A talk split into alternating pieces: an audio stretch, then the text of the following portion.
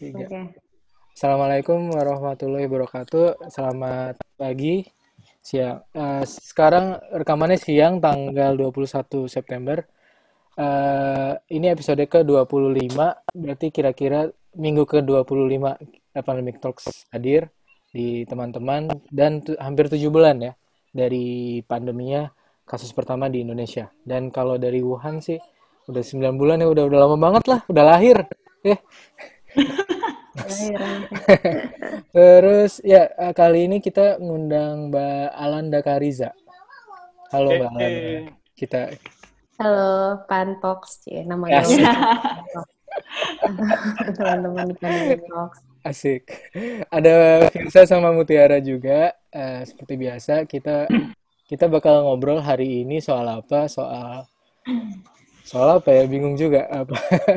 Eh, ki- kita ngundang Alanda, kita pengen eh, apa namanya minta insight dia sama ngobrolin soal behavior, soal perilaku-perilaku baik dari dari apa namanya masyarakat atau pemerintah atau.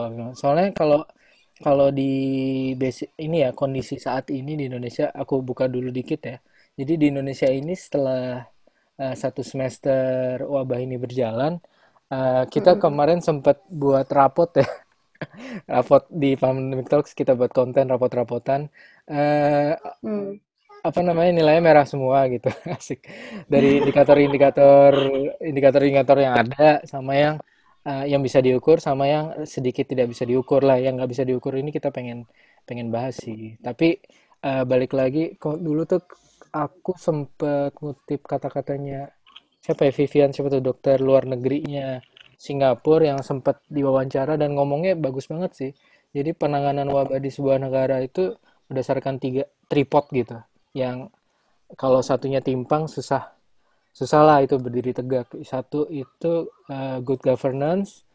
Kedua itu apa namanya health system. Atau bisa dibolak-balik sih. Sama yang ketiga social capital. Nah eh, di Indonesia itu kalau dilihat satu-satu ya mungkin pasti ada plus minusnya sendiri dan eh, apa namanya kalau dibanding-bandingin sama negara lain atau yang lain ya kan Muti sama Firsa kita kalau pandemic talks ngebandingin sama yang lain selalu dibilang nggak apple to apple tuh gitu-gitu. Ya ya iya sih. Nggak pernah pas tuh kayak. nggak pernah Iya pas. sih, bener juga sih ya. Iya, terus eh, oke, sekarang kita cek dari sekilas ya dari governance di Indonesia eh, kita bisa lihat banget ya secara sangat sangat jelas bahwa ada ada hal-hal yang rada unik-unik di Indonesia. Terus health system udah sampai situ aja kalau governance. Terus eh, kalau health system itu eh, kita sebelum pandemi aja udah masalah, misalnya kekurangan SDM ya, kekurangan infrastrukturnya, sistemnya juga baru mulai jalan gitu kan, misalnya kayak National Insurance kan baru mulai 2014 gitu, Eh, belum cukup belum cukup mateng buat eh, fondasi dari hel- apa namanya eh, kesehat sistem kesehatan gitu. Ya sekilas kayak ya. gitu. Terus social capital, nah ini nih di Indonesia ini dimensinya spektrumnya gede banget ya. Mas Firsa gimana menurut Mas? Oh, sosial. eh, ya, ny- ny- eh, nyambung tadi dari Kamil apa eh, sebelumnya eh, lapor COVID sudah lapor COVID sama Profesor Zulfikar Amir ya di NTU Singapura sudah melakukan survei di, di tiga kota sekarang. Jadi Jakarta, Surabaya, sama sama Bogor terakhir. Jadi eh, eh, beliau menyebutkan bahwa eh, contohnya Jakarta ya, orang Jakarta itu 70% orang Jakarta itu sebenarnya sudah mematuhi protokol kesehatan, tapi 70% orang di Jakarta juga eh, yakin pede nggak akan Ras- kena apa namanya rasa kebal. nggak- ya dan lebih hebatnya lagi jika terkena corona 86% orang Jakarta yang survei itu ada 150 ribu survei so, eh, responden itu yakin akan sembuh. Nah i- itu itu data-data sosial yang bisa dikuantifisir. Eh, contoh juga kemarin di Pandemic Talks mengutip dari Pem, Pemda Bogor, 15% orang Bogor itu hanya 15% orang Bogor yang percaya COVID, sisanya nggak nggak eh, tidak percaya gitu. Nah, eh, jadi menyambung dari penjelasan Kamil tadi, ada apa namanya ada government, health system, sama social capital. Nah, uh, memang ada kelemahan komunikasi risiko sama komunikasi krisis dari dari pemerintah. Uh, sehingga sosial kapitalnya tidak menurut kami ya ini kami bukan orang sosial apa sehingga sosial kapitalnya jadi lemah gitu loh. Sudah lemah spektrumnya banyak dan nyebarnya ke mana-mana. Mau dipungut satu tanda kutip mau dipungut satu itu udah udah susah. Sementara yang dipercaya itu uh, maaf ya akun-akun konspirasi kalau enggak yang semacam itu ya.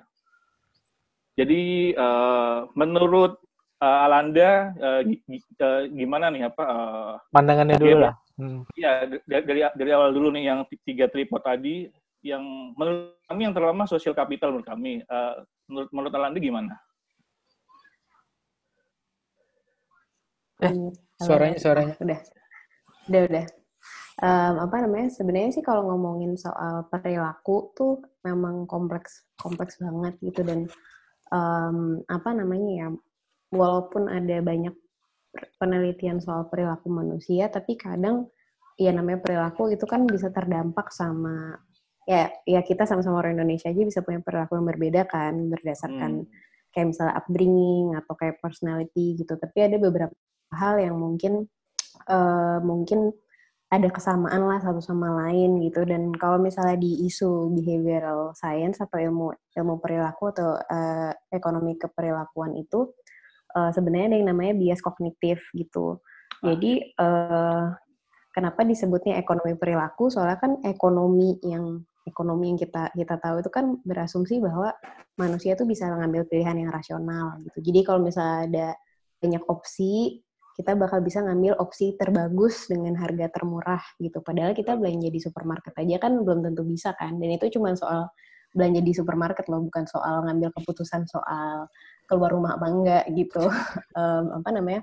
Nah, si bias kognitif ini tuh ada banyak macamnya dan dan berdampak pada kita sehari-hari gitu. Um, ada beberapa contoh sih yang mungkin agak agak stand out uh, untuk dan agak relevan untuk untuk isu COVID-19 ini ya. Kayak misalnya salah satunya tuh uh, ada kognitif uh, bias kognitif yang namanya overconfidence gitu. Mungkin itu tadi yang yang ada di uh, penelitiannya uh, Pak Zulfikar Amir juga uh, kalau manusia tuh cenderung uh, pede banget alias overconfident gitu.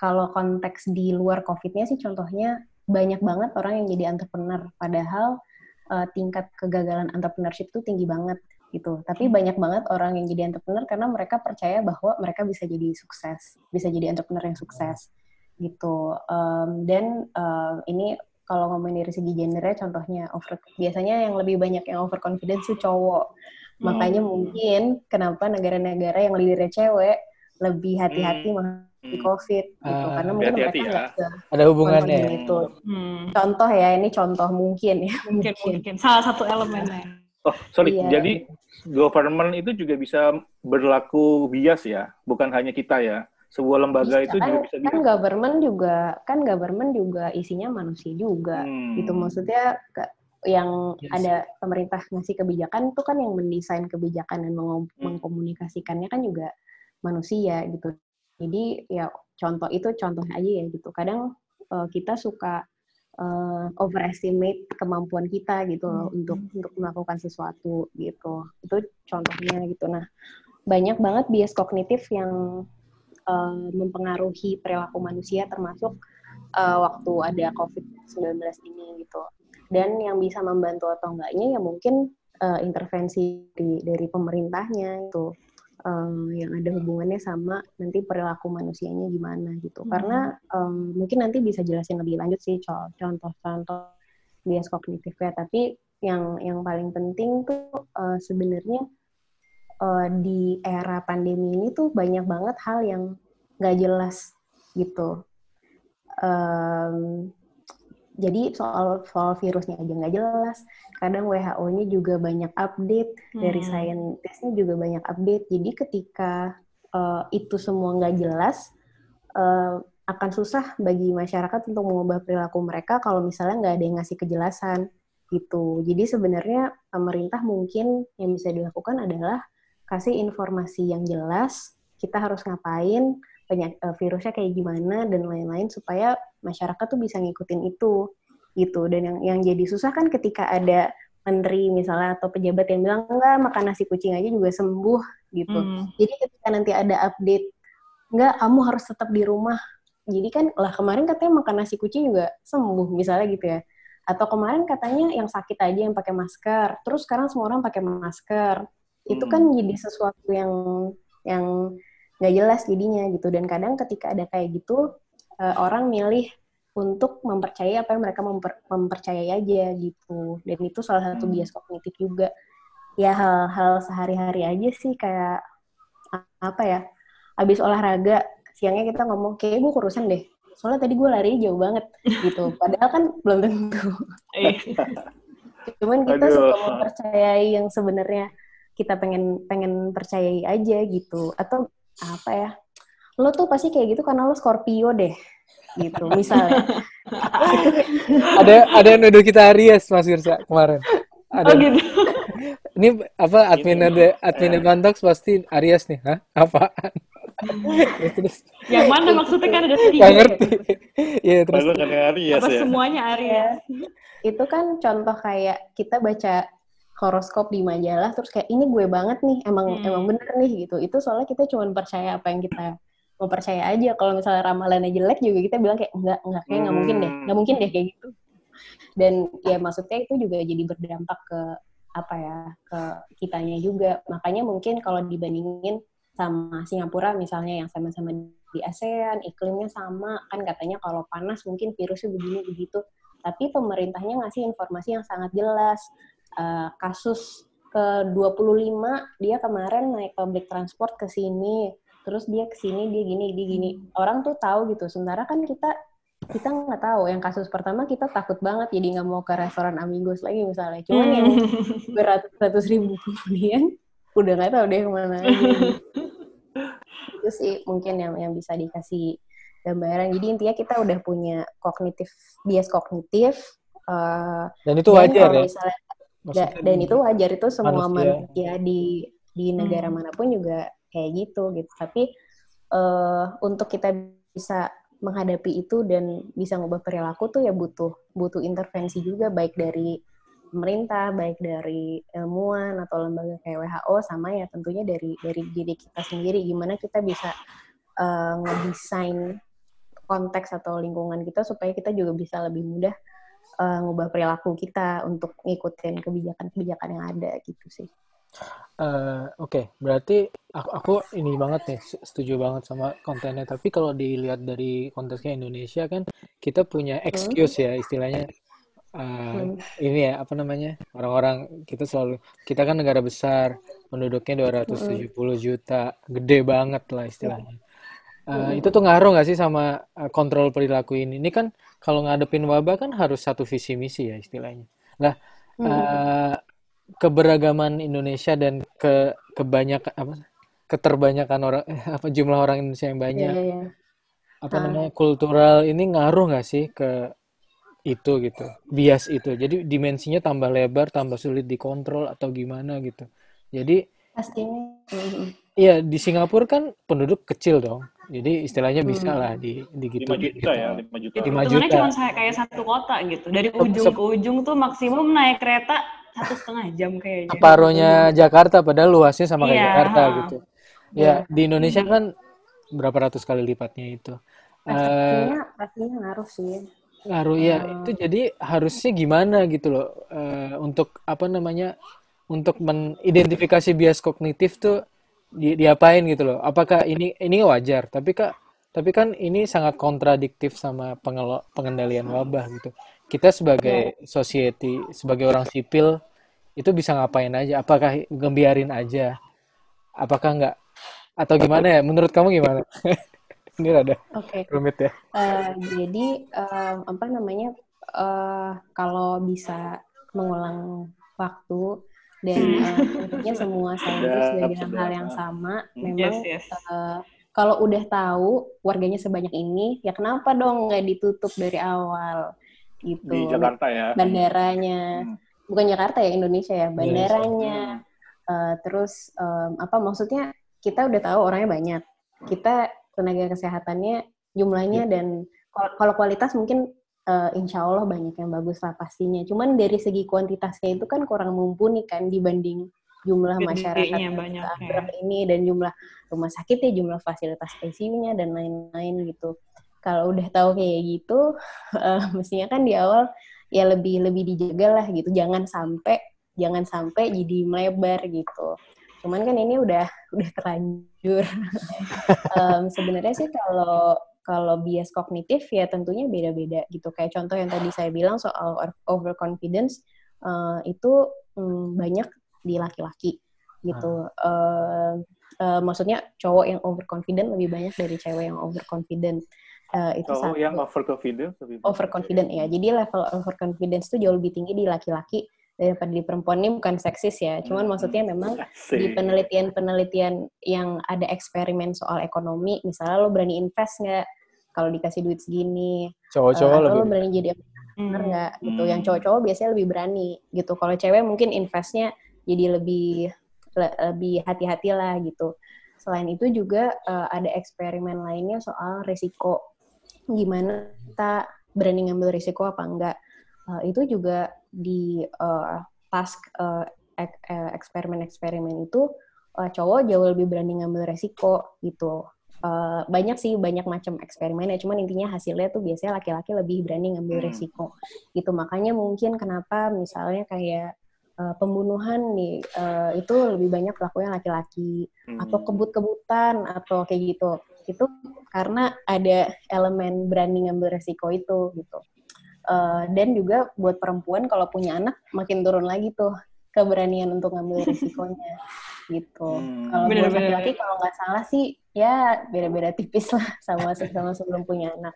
Cuman kan itu dari perbedaan itu aja udah contoh gimana bias kognitif bisa beda di tiap orang kan. Apalagi kalau ada elemen-elemen lain yang misalnya usia mungkin yang lebih muda lebih berani sepedahan tiap hari gitu misalnya daripada yang udah tua gitu. Jadi uh, pasti pasti emang ada perbedaannya sih gitu.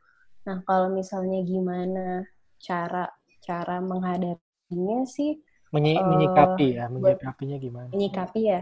Buat sekarang sih kalau menurut menurut uh, menurut saya pribadi itu yang paling penting tuh pertama uh, urgensi dari dari pemerintah misalnya sama uh, sama uh, kejelasan uh, soal perilaku yang mesti mesti diadopsi gitu. Jadi ada kayak model uh, model uh, untuk cara uh, ngubah perilaku. Ini yang yang bikin salah satu uh, profesor di Stanford namanya BJ Fogg. Ya, salah satu di Stanford Lab lah gitu.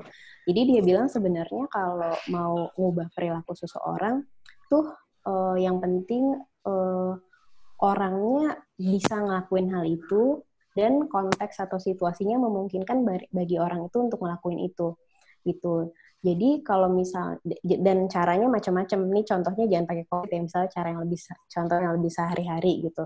Uh, yang misalnya kita pengen uh, lebih sering uh, masak makanan sehat di rumah gitu. Yang bisa dilakuin tuh uh, ada tiga gitu. Yang pertama kita harus bikin diri kita lebih bisa masak makanan sehat itu jadi kayak upskill hmm. uh, ya udah lo kalau mau makan masak makanan sehat tiap, tiap hari lo belajar dulu aja caranya karena kan kalau itu udah gampang buat lo lo akan lebih hmm. mau ngelakuin kan kalau lo aja masak udah nggak bisa ya nggak mungkin lah lo bisa masak makanan sehat tiap hari hmm. gitu terus yang kedua adalah ngeredesain konteks atau situasinya kalau misalnya lo mau lebih sering masak makanan sehat ya lo taruh lah tuh sayur-sayur sama buah-buah di depan.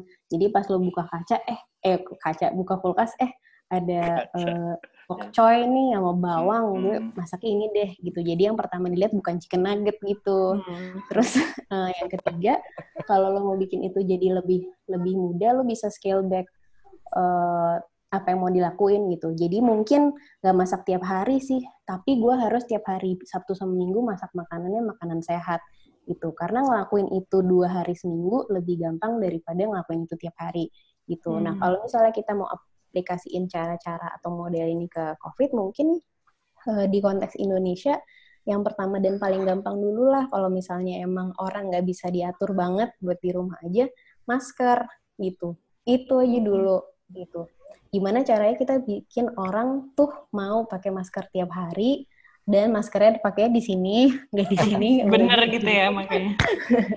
Terus eh, karena eh, itu susah banget gitu dan em, apa ya? Kenapa Boro-boro susah ya? Ya kayak helm kayak helm aja ya pakai helm aja Hmm. tuh masih susah banget loh nggak tahu ya kalau di Jakarta mungkin lebih rapi tapi saya tinggalnya di Tangerang Selatan jadi di Tangerang Selatan tuh banyak banget yang nggak pakai nggak pakai helm Eh, Naik motor bertiga, udah- berempat gitu kan Iya. rame-rame. Orang Oh. Indonesia itu pakai pakai helm karena takut sama petugas, Yes, bukan yes. karena Iya. Ah, bukan, iya. bukan karena tahu konteks itu Jadi konteksnya. konteksnya itu bisa bikin aman.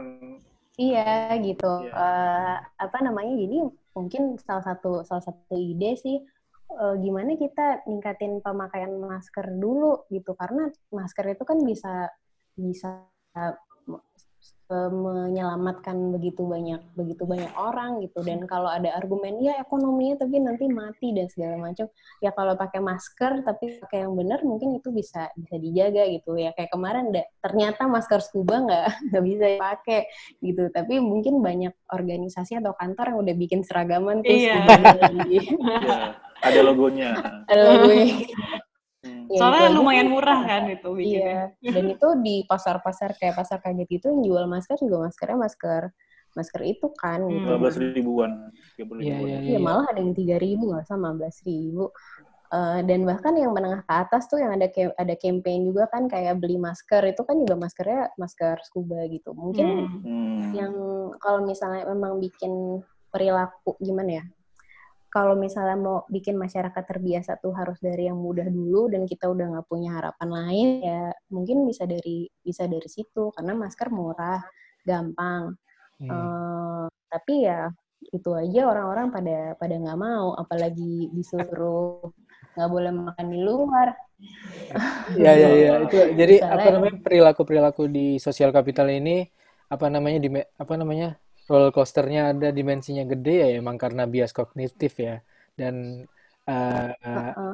apa pemerintah sebagai komunikator dari urgensinya itu punya ini juga. Menurut Alanda selama ini selama ini pemerintah menyampaikannya tuh gimana dan kurang apa dan eh, harusnya gimana gitu. Menurut kamu gimana? So far kalau kamu menilai di konsep ini iya di background itu behavior Eh, bentar dulu ya. Eh nggak apa-apa nggak apa-apa. Oh, iya, iya. Emergency. yes yes yes Di pause aja dulu mas recordingnya. oke oke ya gimana Oke. kakak Alanda Hmm. Kalau misalnya pemerintah udah ngapain aja. komunikasi ya di komunikasinya ya di kom- Sebenarnya eh, khawatir juga sih mau berkomentar. Tapi eh, Iya, iya. mungkin hmm, gimana ya? Sebagian lembaga atau sebagian figur tentunya kan udah mencoba sebaik mungkin untuk eh, memberikan komunikasi yang yang baik gitu. Cuman mungkin kalau menurut saya pribadi sekarang belum ada koordinasi yang baik antar berbagai pihak dan itu sangat sangat dibutuhkan gitu. Jadi eh, apa ya? Kadang eh, kayak misalnya Kemenkes sama RS lain datanya beda. Eh, Hmm. terus mungkin di Jawa Timur juga sempat ada eh, sempat ada yang mana wali kota eh, maksudnya kayak pemerintah tingkat kota sama pemerintah tingkat pemprov juga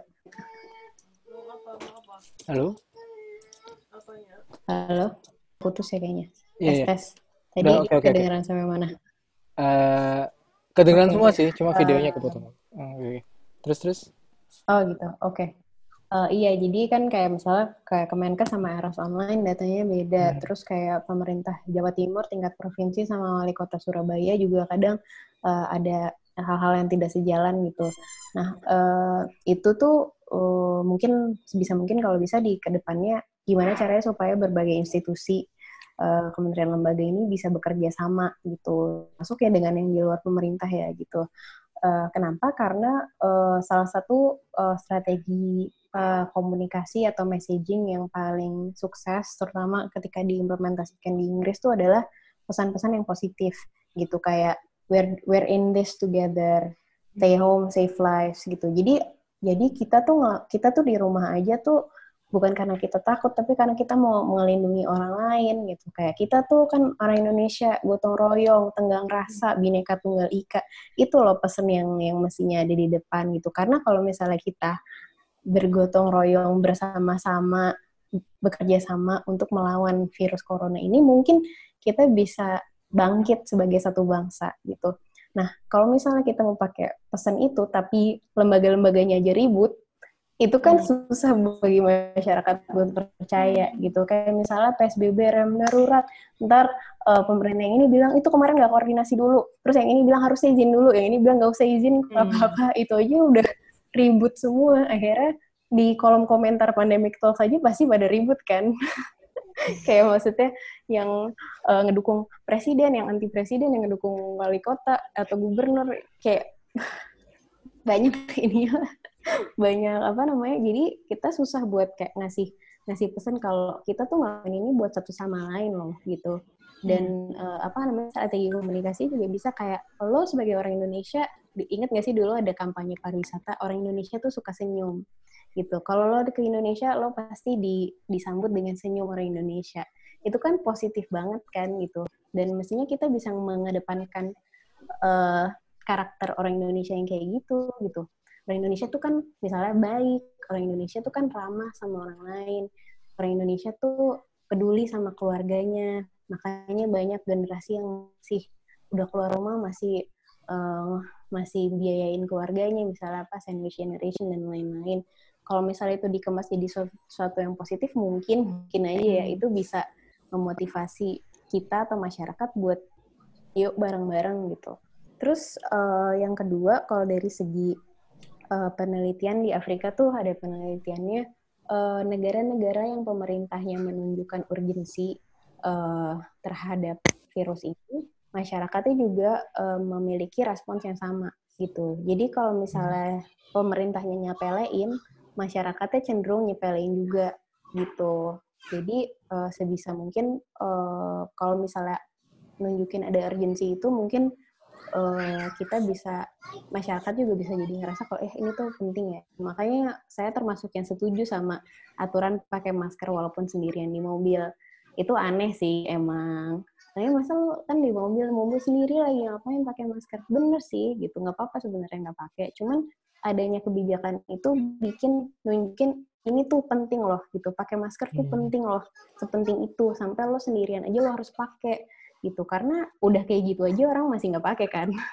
Gimana kalau nggak ada urgensi itu gitu. Walaupun mungkin dari segi penerapannya debatable ya. Ada yang pengen hmm. hilang aja atau nggak pakai helm nggak apa-apa tapi nggak pakai masker ditilang. Ada cerita-cerita kayak gitu.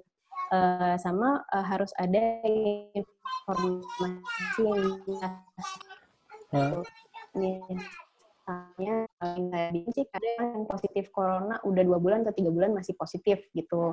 Hmm. Terus emang isolasi mandiri 14 hari misalnya uh, kayak gitu loh. Maksudnya uh, sebisa mungkin ada satu tempat di satu sumber di mana semua informasi ini bisa diakses secara mudah dan mudah dimengerti oleh oleh banyak orang. Kayak misalnya uh, katanya kalau UMKM dapat tunjangan dari pemerintah gitu. Itu gue UMKM nggak dapet tuh mana gitu. Ya, ya udahlah jangan suruh hmm. tutup ujungnya gitu kan gitu. Karena kan kita nggak tahu informasinya gimana. Mungkin dijanjiin ada berapa miliar atau berapa triliun untuk UMKM tapi kita nggak tahu itu disalurkannya ke mana jadi mungkin pelaku UMKM-nya juga marah ketika mall boleh buka, restoran nggak boleh dine in misalnya. Hmm. Uh, itu kan kayak banyak informasi yang scattered gitu. Dan orang jadi lebih susah untuk mengubah perilaku kalau mereka nggak tahu informasi yang jelas kayak gimana gitu. Uh, jadi sebenarnya lari boleh nggak sih pakai masker atau nggak pakai atau gimana? Soalnya artikel-artikel ini bilang nggak usah nanti bisa meninggal. Tapi kalau yang ini bilang harus pakai, itu kan banyak banget informasi yang bertebaran belum lagi dari broadcast WhatsApp uh, mama sekalian ya. eh terus kalau uh, menurutmu soal eh bentar deh, aku tanya soal ini deh. Pemerintah menurutku ya, menurutku itu kadang uh, cherry picking sih, cherry picking. Jadinya bias juga gitu. Cherry picking misalnya hmm. Kesembuhan mulu yang diomongin gitu. Padahal kan indikatornya kan bukan itu. indikator pengendalian gitu. Uh, menurutmu gimana? Jadi perlu nggak sih uh, istilahnya di sedikit ditakut-takutin gitu? Ya kayak urgensi tadi kan hubungannya. Bukan ditakutin sih istilahnya di, uh, meningkatkan kewaspadaan Komunikasi dengan risiko. komunikasi Komunikasi risiko risiko. gitu. Itu kan yang Iya. miss kan kita. Menurutku miss banget. Itu menurut Alanda gimana? Kalau sebenarnya ini ada bias kognitifnya juga sih Yes, gitu yes. dan ini yang harus dihindari sebenarnya. Jadi di bias kognitif itu ada namanya survivorship bias gitu. Jadi kita cenderung untuk fokus ke survivors daripada yang nggak survive. Padahal Hmm. banyak yang nggak survive gitu. Eh, jadi eh, ya itu kayak misalnya nggak usah jauh-jauh deh. Ada saudaraku yang bilang kayak itu tukang sampah di depan tiap hari ketemu berapa ribu orang tuh nggak pakai masker nggak meninggal meninggal dia masih sehat-sehat aja gitu. Cuman kan itu survivor gitu. Kita nggak tahu dia kena apa enggak. Kalau kena OTG apa enggak gitu. Cuman kalau misalnya fokus ke kesembuhan itu yang dikhawatirkan gitu. Orang jadi fokus ke survivornya aja gitu kayak misalnya kalau yang menengah ke bawah mungkin bisa bilang itu corona bisa sembuh kok itu yang kemarin kasus-kasus pertama itu malah dapat ini kan penghargaan atau apa dari masuk TV gitu jadi Jadi duta, ya. Iya kayak gitu. Itu kan contoh contoh survivor. Padahal di balik sana banyak juga banyak juga yang yang nggak survive gitu. Tapi ya memang mungkin bukan nakut-nakutin, tapi lebih ke ngasih datanya tuh yang yang lengkap gimana ya kayak yang dilakukan pan- pandemic talk sih kayak Indonesia tuh case fatality rate-nya segini tapi di negara lain tuh segini loh gitu terus kita testingnya baru segini sementara di negara lain segini misalnya itu kan udah udah ngasih kadang kalau kita mungkin ngomongin yang udah meninggal juga atau apa misalnya di keluarga ya. Misalnya eh, saya bilang eh papanya temanku tuh meninggal kasihan deh kayak tiba-tiba tiga hari langsung meninggal gitu. Ntar jawabannya kamu tuh jangan ngomongin kayak gitu. Itu tuh bikin imunitas jadi rendah loh. Kita nggak usah lah ngomong itu banyak yang kayak gitu kan. Kayak gue nggak mau dengar soal corona lagi karena gue stres jadi eh, nanti imunitas gue rendah terus gue jadi sakit gue harus keluar supaya imunitas gue tinggi jadi gue tetap sehat. Kan banyak juga gitu. Jadi gimana ya mungkin kasih kasih informasi ya yang yang balance aja sih. Jangan fokus ke tapi segini orang sembuh kok. Ya boleh ngasih tahu segini orang sembuh tapi ada juga yang yang enggak gitu. Eh, dan dari semua ini kemungkinan besar ini tuh baru sedikit banget karena yang dites cuma segini gitu Itu yang nggak bi- nggak pernah disampaikan sih. Ya, ya, ya. Harus di-upgrade ke situ ya. Ya nggak sih pemerintah dan Uh, Mungkin emang kita emang semua. susah sih karena memang awal-awalnya kan juga uh, awal-awalnya kan juga supaya orang nggak khawatir ingat nggak pas bulan Maret itu banyak Iya. banget uh, uh, narasi kayak eh tenang aja nggak usah khawatir coronavirus di US ya orang yang meninggal karena flu tiap tahunnya tuh segini loh gitu. dan lo Hmm. nggak apa-apa tuh sama flu gitu dulu kan di US ada narasi kayak gitu kan jadi jangan panik itu cuman sepersekian tapi kalau satu persen orang Indonesia sakit aja itu udah 2 juta lebih. Dua juta 2 lebih. juta tuh banyak loh. Hmm. 2 juta tuh eh, berapa ya? Lah, Kadang kita nggak bisa ngebayangin ah, itu ya. ngebayangin segitu itu berapa gitu. Jadi mungkin bisa bisa juga dipresentasiin kayak 500 ribu orang udah ya itu sih bagus yang kayak inner circle itu itu juga cukup bagus gitu. Atau ya misalnya kalau 500 ribu orang kena itu tuh berarti misalnya sama kayak berapa RT atau berapa sekolah kena iya, semua gitu. Mungkin Kemarin narasi narasi oh, newsroom bikin stadion bola gitu, yang meninggal di Indonesia segitu gitu, stadion penuh gitu. Itu harusnya eh, kasih tahu kayak gitu ya, ya, ya, biar orang. Soalnya manusia nggak Lebih nggak nggak mudah ya soalnya. nggak mudah ngebayangin itu. Aku, aku boleh berpendapat ya. Jadi ya- jadi ada dua sudut pandang nih. Jadi pemerintah sudah merasa melakukan apa komunikasi yang tegas dan konsisten. Ya emang sih bener kan apa eh, pakai masker, jauhi kerumunan dan dan sebagainya. Tapi 3M sayang- ya? Sama 3M 3M itu ada ya. ya? Eh, tapi menurut saya eh, yang lama ada di Markom, menurut saya apa? Ya hanya itu hanya itu aja doang. Apa eh, hanya itu diulang terus. Nah, sementara tadi Alanda mengutarakan bahwa eh, ada bias dan kadang masyarakat butuh dikasih contoh gitu. Seperti kayak apa? eh, tadi ka- kami sebutkan misalkan yang meninggal sudah 9.000, 9.000 itu sebanyak apa sih? Sebanyak satu stadion bola gitu contohnya ya. Nah, em, yang ingin saya tanyakan, kenapa pemerintah Indonesia itu seperti ini saya analoginya orang tua dan anak ya. Kenapa mereka nggak nggak tahu nih karakter anaknya tuh tanda kutip serendah ini scientific temper ya. Kami nyebutnya perangai perangai ilmiahnya. Jadi ada informasi apa niatnya itu menyampaikan hal ini tapi ya ini maaf ya nggak nyampe. Jadi harus di, harus dituntun sampai ke bumi banget. Contohnya seperti konten-konten pandemic talks lah. Itu sebenarnya kita benar-benar merunutkan banget pelan-pelan ini loh bahayanya, ini loh inner circle, ini loh uh, sebahaya ini CFR-nya tingkat kematian kita gitu. Nah, gap-nya ada di situ sih. Jadi menurut saya ya, tolong ditanggapi apa pemerintah yang pemerintah yang komunikasinya hanya satu konsisten, harusnya macam-macam menuju beberapa lapisan masyarakat ada layer-layernya lagi. Terus yang disampaikan pesan juga bahasa Jawanya itu nggak nyanda, nggak nggak nyampe gitu. Jadi yang yang ini ngomong di sini, ngomong di sini, nah di tengah-tengah kosong banyak nih. Ada konspirasi, ada pandemic talks, ada kawal covid, ada yes. yang naik sepeda, ada yang udah kacau. Jadi ruang kosongnya besar. Pertanyaannya hmm. adalah uh, kenapa kenapa ada sebuah negara nggak nyebut Indonesia ya, yang, yang, yang ibarat anak dia itu nggak nggak tahu how to communicate, communicate to tuh apa namanya tuh tuh, tuh anaknya semua kayak UK kayak Jepang itu tahu gitu loh oh anak gue itu anak kayak gini nih jadi kalau mau ngasih tau kayak gini gitu hmm. uh, itu tanggapannya Alanda apa ini, hmm. menurut saya jadi ada gap di tengah bolong besar itu dan nggak ada yang isi sih Oke, okay. menurut saya sih kalau misalnya contohnya UK, UK tuh punya uh, tim behavioral scientist, uh, hmm. tapi kan memang di sana udah. Aku nggak pernah denger ini ada di Indonesia. Mungkin belum ya. Kayak nggak pernah dengar ya. Makanya saya kuliahnya jauh karena di sini. ah. uh, tapi di sana tuh ada. Kalau, gitu. kalau buka apa? Organisasi? Satgas kayaknya nggak ada ini. iya, kayaknya sih, kayaknya sih belum ada gitu. Tapi gak mungkin ada. karena expertnya hmm. juga terbatas. Tapi kalau di UK tuh ada.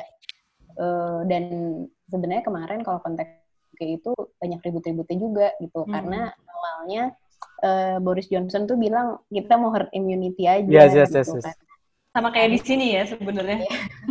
karena katanya behavior apa sih?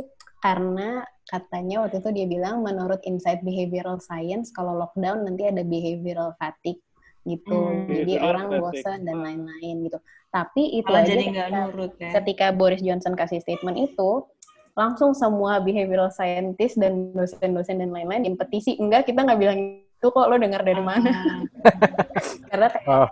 uh, iya langsung ada petisinya gitu karena he lumayan heboh gitu tapi memang di sana pemerintahnya udah sering kerja sama uh, udah sering kerja sama um, apa namanya ya behavioral scientist itu gitu cuman mungkin di Indonesia jumlahnya masih ada uh, masih terbatas banget ada cuman masih terbatas hmm. banget uh, cuman uh, mungkin gimana ya uh, ini sih bukan di COVID aja ya, tapi di banyak banyak banyak isu gitu. Kadang uh, mungkin hmm, apa ya?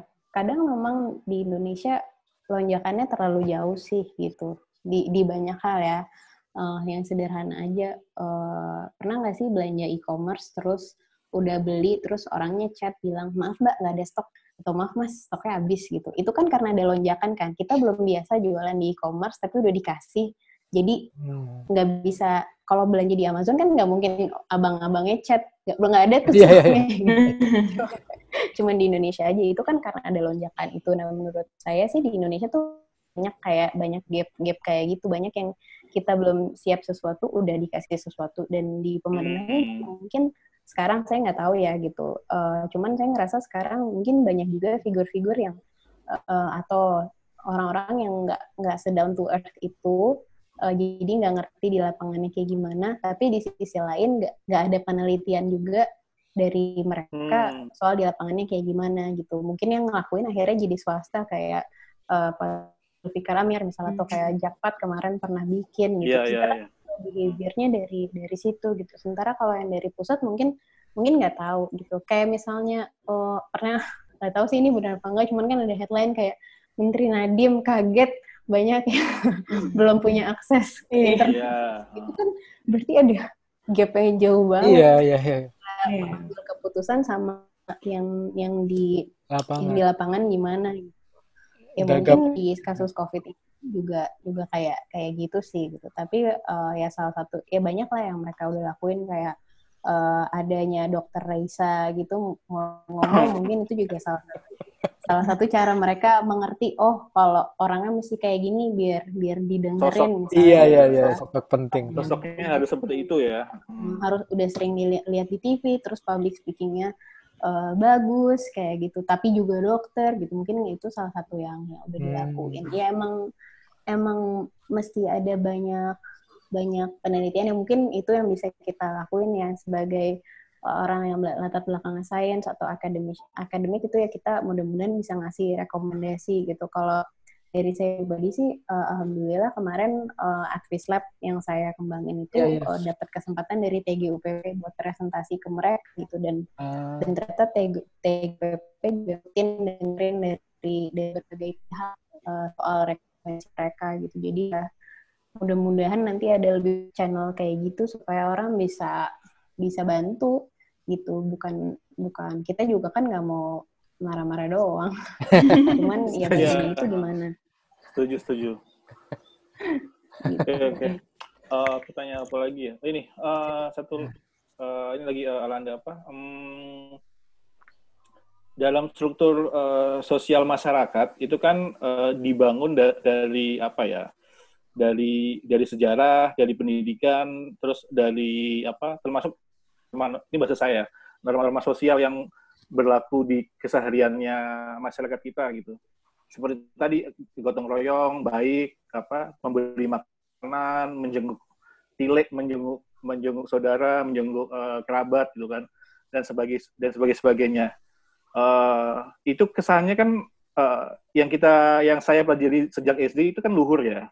Namun mengapa semua itu sekarang menjadi runtuh eh, apa ya aturan norma sosial behavior sosial itu saat pandemi ini. Semua kenapa sekarang jadi kayak egois? Di, di manakah Pancasila itu gitu contohnya ya? Contoh- iya. Itu itu itu kenapa gitu? Ini ini nggak cuma di masyarakat ya. Yang di middle up middle class di low Hmm. class juga. Ada spektrum spektrum yang Hmm. sama yang yang apa? Yang Yang- abai yang yang peduli abai ya. Yang ya egois lah yang itu berlawanan banget dengan Ya. pelajaran PPKN-nya kita zaman dulu. Ma- balik ke yang tadi Alanda ceritakan, eh, kenapa, kenapa masyarakat harus, kenapa masa sih harus dijelasin lagi gotong royong turunannya adalah ini penyakit komunal. Oh jadi kita harus menjaga. ma- ma- kenapa harus dibimbing segitunya? A- ah, berarti kan menurut saya ya sosial yang selama ini terjadi itu jadi jadi hancur, hancur atau tidak tidak berguna. Ini bahasa awam saya kalau salah. Tanggapannya Alanda gimana?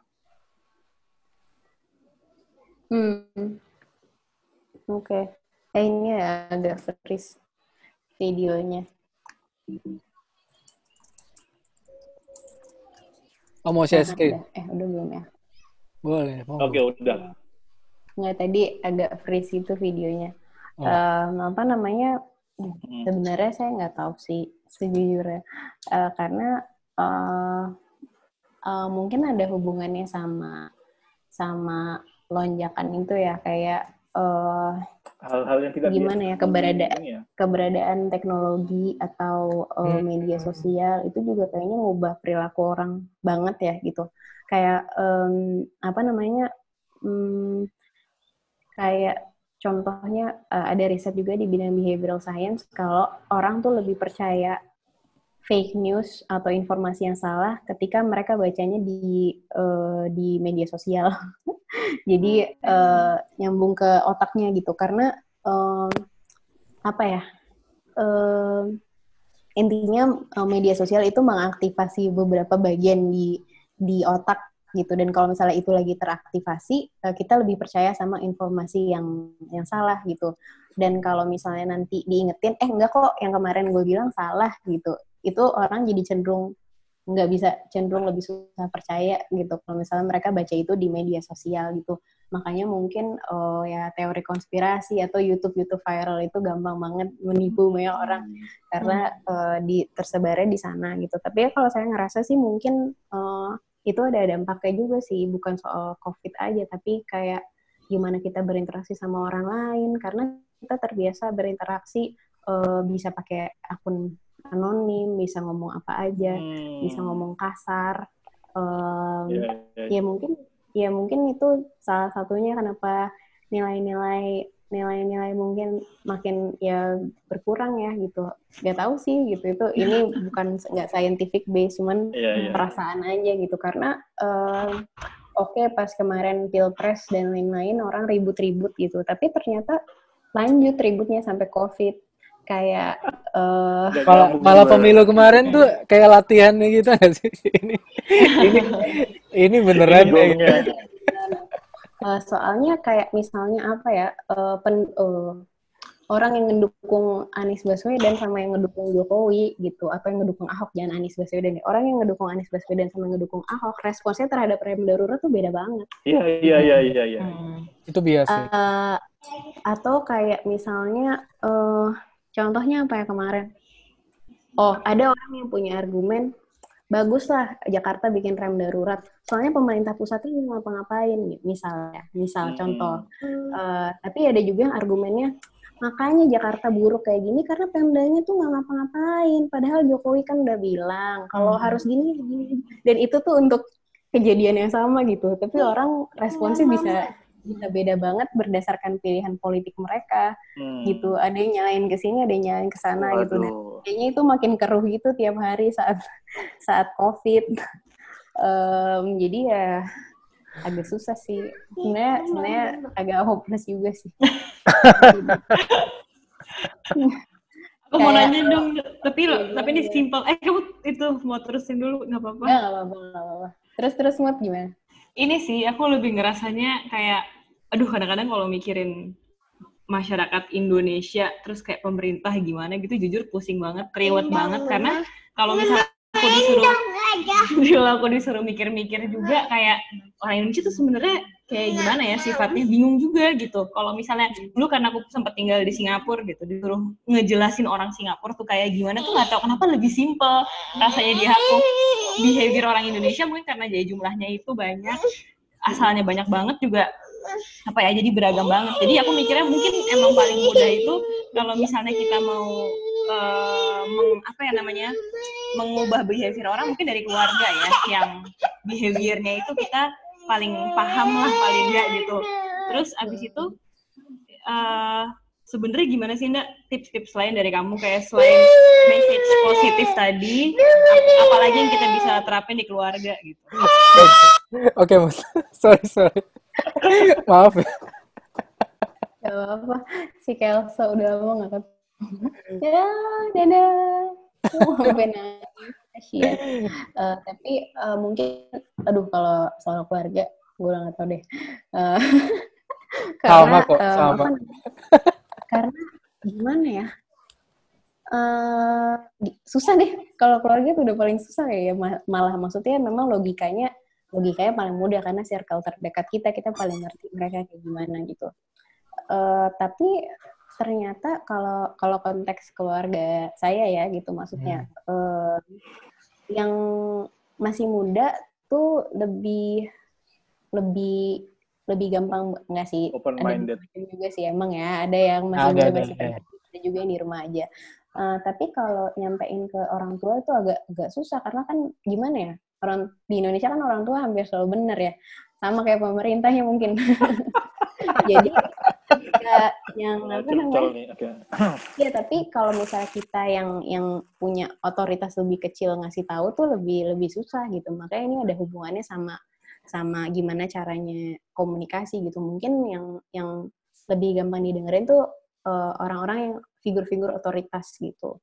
Mungkin kalau di Indonesia uh, uh, pemerintah gitu. Mungkin juga uh, pemuka agama gitu. Makanya kemarin pas kayak sempat ada video viral Jim gitu bilang uh, kayak uh, di rumah aja gitu misalnya atau kayak pemuka agama lain bilang di rumah aja pakai masker dan lain-lain tuh jadi penting gitu. Karena buat buat orang Indonesia itu kan opini mereka penting. Emang nggak apa-apa nggak sholat jumat di masjid gitu. Misalnya kalau misalnya MUI atau lembaga-lembaga yang punya otoritas lainnya bilang nggak apa-apa mungkin itu emang lebih lebih mudah dipercaya daripada orang-orang yang kelihatannya nggak punya nggak punya otoritas ya gitu. Kayak misalnya kalau di rumah ya orang tua sama anak mungkin kan otoritas anak kayaknya lebih lebih kecil gitu. Um, yang bisa dilakuin lainnya sih um, apa ya iya kalau kalau keluarga susah banget sih gitu sebenarnya gitu. Karena uh, selalu ada bias-bias tadi gitu. Misalnya kita kasih statistik ini loh yang meninggal karena usia ah. udah usia segini tuh gitu. Tapi kan ah itu kan tapi mereka gitu. Umur tuh udah ada yang ngatur. Inget ya iya. umur udah ada yang ngatur. Ya bener sih. ya, gitu tapi maksudnya aja lah gitu. Iya gitu. emang susah sih. Maksudnya uh, tapi uh, mungkin yang bisa dilakuin uh, iya kasih figur otoritas juga kali ya kayak misalnya nih lo uh, si ini aja tuh tuh Jokowi udah pakai masker lo sekarang ke mana-mana gitu hmm. uh, ini atau, balik ke politik juga ya iya atau enggak kayak gimana ya hmm. oh uh, salah kalau misalnya religius mungkin kayak pernah dengar nggak sih Nabi Muhammad hmm. itu bilang kalau ada hmm. pandemi harus stay di situ. Wabah, kalau ya. ada wabah jangan ke mana-mana. Ya kan ada ada hmm. uh, hadisnya gitu. Terus kayak misalnya kadang yang yang saya pakai juga uh, itu yang nemuin konsep karantina 40 hari itu Ibnu Sina loh dia uh, orang yeah. Islam oh, okay, maksudnya kayak tapi ini tips-tips yeah. bagus yeah. loh nggak soalnya yeah. kayak kita kadang-kadang udah running out of ideas kan dan kita pas masih yeah. kita pasti care banget sama keluarga gitu yang circle paling deket Iya. Sama uh, sebenarnya kalau saya lihat sih juga emang peer pressure itu sih gitu karena hmm. uh, kalau di keluarga besar saya paling nggak kayak tante atau om yang lebih taat itu kurang lebih karena teman-teman taat gitu. Hmm. Jadi kayak uh, emang iya nggak pergi-pergi orang yeah. orang pada reuni juga pada bilang cancel aja reuninya gitu. Tapi yang kurang taat tuh ternyata misalnya kayak ada satu figur yang uh, masih pergi-pergi ternyata teman-temannya ada yang liburan ke Anyer misalnya gitu atau kayak Jogja road trip. Jadi mungkin dia ngerasa ya orang teman-teman gue nggak apa-apa tuh pergi gitu. Yang penting pakai masker sama topi-topi yang itu tuh. Nah, jadi kayaknya um, ya lingkungan kita juga penting banget sih gitu. Dan kadang kalau buat keluarga nggak ada yang bisa kita lakuin karena kan kita nggak bisa ngubah teman mereka gitu uh, gitu ya kayak kita aja lah kita ngelihat orang-orang pada uh, sepedahan gitu nggak pakai masker jadi mikir kan hmm, mungkin nggak apa-apa kali ya ini ini balik ke bias lagi ya soalnya kita kalau norma sosial aku baca di Advis Lab juga Advis Labnya Alanda. Apa namanya soal norma sosial yang biasanya lihat uh, lihat Nikita Willy gitu. Atau lihat apa namanya? Iya iya. lucu, lucu sih lucu lucu. Masuk. Atau lihat artis itu uh, di Jakarta sepedaan gitu. Misal kita kan walaupun itu kan dikit tapi kita nganggap itu semuanya gitu itu biasnya kita juga sih sebenarnya. Tapi uh, teknisnya bisa juga kan di dokter gitu misalnya. Eh itu dokter itu aja ada dokter ngomong-ngomong apa namanya harus jaga macam-macam tapi dia sendiri staycation. Dia sendiri jalan-jalan iya. gitu. nah, jadinya uh, terus kalau kita sharing itu di misalnya pandemic talks eh, kita dimarahin juga sama dokter-dokter gitu. Di DM juga gitu jangan dong jangan ini dokter dong. Loh kok kita jadi dimarahin gitu? Uh, uh, maksudnya itu kan iya. bias-bias yang terjadi ya. Ya apa kita harus identifikasi kan bias ini gimana. Jadi di apalagi di sosial media itu menurut kamu uh, sikap kita tuh kudu gimana nih? Misalnya kita lihat lihat di IG gitu wah artis ini sekarang mulai sepedaan rame-rame gini malah liburan gini kita harus unfollow atau harus nggak peduli atau harus marah atau harus ya udahlah ya gitu menurutmu ngelola hmm. itu gimana nih iya sebenarnya susah juga sih kadang uh, kayak hmm.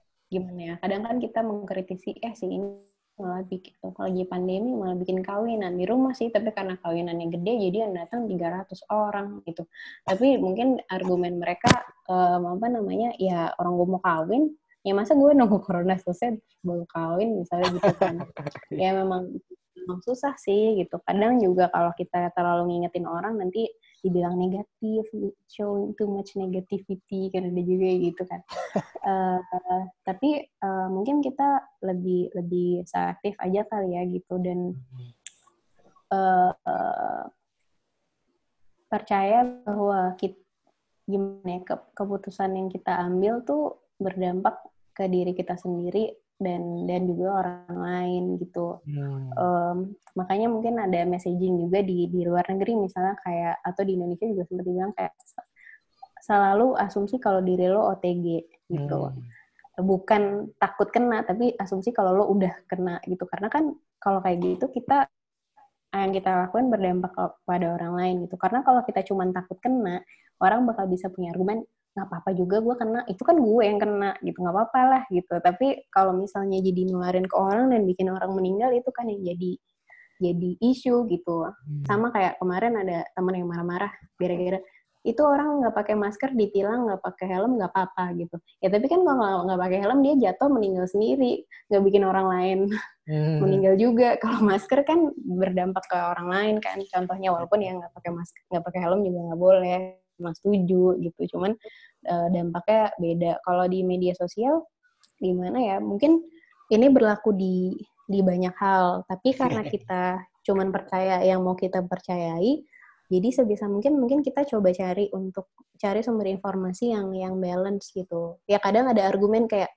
do not follow people who only give negative vibes kalau muti itu pasti tuh kalau kan akun cewek gitu banyak tuh kayak gitu-gitu quote-quote gitu Positive Tapi, vibes uh, only gitu kan. ya positif vibes Jadi, Yeah. mungkin kita coba cari apa ya, sumber informasinya sebisa mungkin yang yang balance gitu Eh, karena yakin deh pasti pertemanan kita aja walaupun banyak yang udah nongkrong tapi banyak juga kok yang pasti masih masih di rumah dan ngasih tahu apa yang mereka lakuin supaya enak di rumah tips-tips menjaga tanaman atau eh, buku-buku yang mesti dibaca Harus atau resep-resep baru. Iya jadi mungkin ya karena kita punya kecenderungan cuman percaya yang mau kita percayai aja ya mungkin kita coba ganti konteksnya. Supaya kita juga ke expose sama hal-hal yang mungkin nggak nyaman buat kita tapi perlu buat kita tahu gitu. Dan ya ada sih ada banyak orang yang yang sampai uninstall Instagram karena nggak mau baca berita covid covid lagi gitu. Tapi sekali seminggu lah cek pandemic talks akunnya Asik. kalau nggak mau tiap hari Sih. masuk nih masuk. karena itu kan masuk kan karena itu Semut, semut, semut. jadi, tahu gitu gue juga saya juga sekarang udah nggak ngecek statistik tiap hari gitu. karena makin hari kayak wah empat ribu lima ribu enam ribu tujuh ribu sekali sekali kita lihat lah gitu karena kalau nggak kita juga jadi jadi nggak nggak waspada apalagi kalau lihat nih psbb tapi jalanan rame-rame aja tuh beda kan sama psbb yang Iya, rame. yang semua orang ngepost di rumah aja pakai stiker-stiker gitu. Iya. Hmm.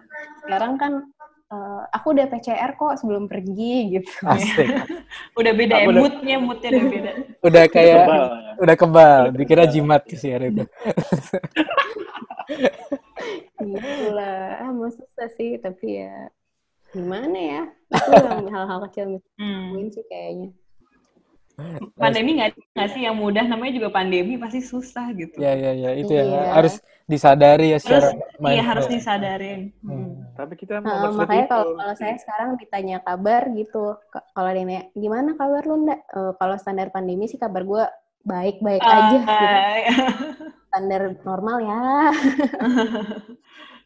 Karena ya beda lah standarnya kalau lagi ada pandemi sama enggak kan juga. Itu itu yang new normal sebenarnya menurut saya sih. Gimana gimana kita hidup tanpa tanpa nutup mata dari pandemi ini tapi ya Hmm. jangan ngerasa kalau ya udah udah pakai masker udah cukup. Apalagi kalau ternyata maskernya masker scuba kan hancur deh tuh semuanya.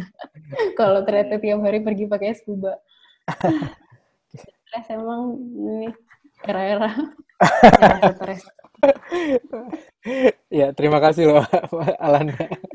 Cerita-ceritanya. Ini Firsa sama Muti udah belum? Aku sih eh, kayaknya udah udah oke sih. Eh, ada yang mau disampaikan lagi Kakak Alanda?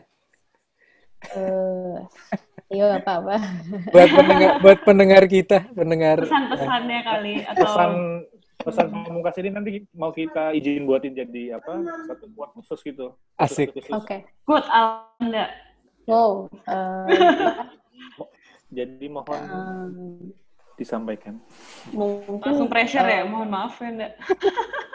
Tapi mungkin sih kalau ada quote sih, tapi yang mungkin kita sebagai masyarakat, maksudnya saya sebagai behavioral scientist atau Hmm. ekonomis bisa ingat tuh uh, kita mesti selalu ingat bahwa sepintar-pintar apa pun kita tuh banyak error di kepala gitu karena Hmm. pada dasarnya memang cara manusia ngambil keputusan tuh beda Eh, ada keputusan yang kita ambil secara otomatis kayak eh, lagi mandi terus sikat gigi itu kan nggak pakai mikir kan mau sikat gigi apa enggak gitu. Tapi ada juga keputusan yang kita ambil secara bertahap kayak misalnya diajak nikah mau nggak ya?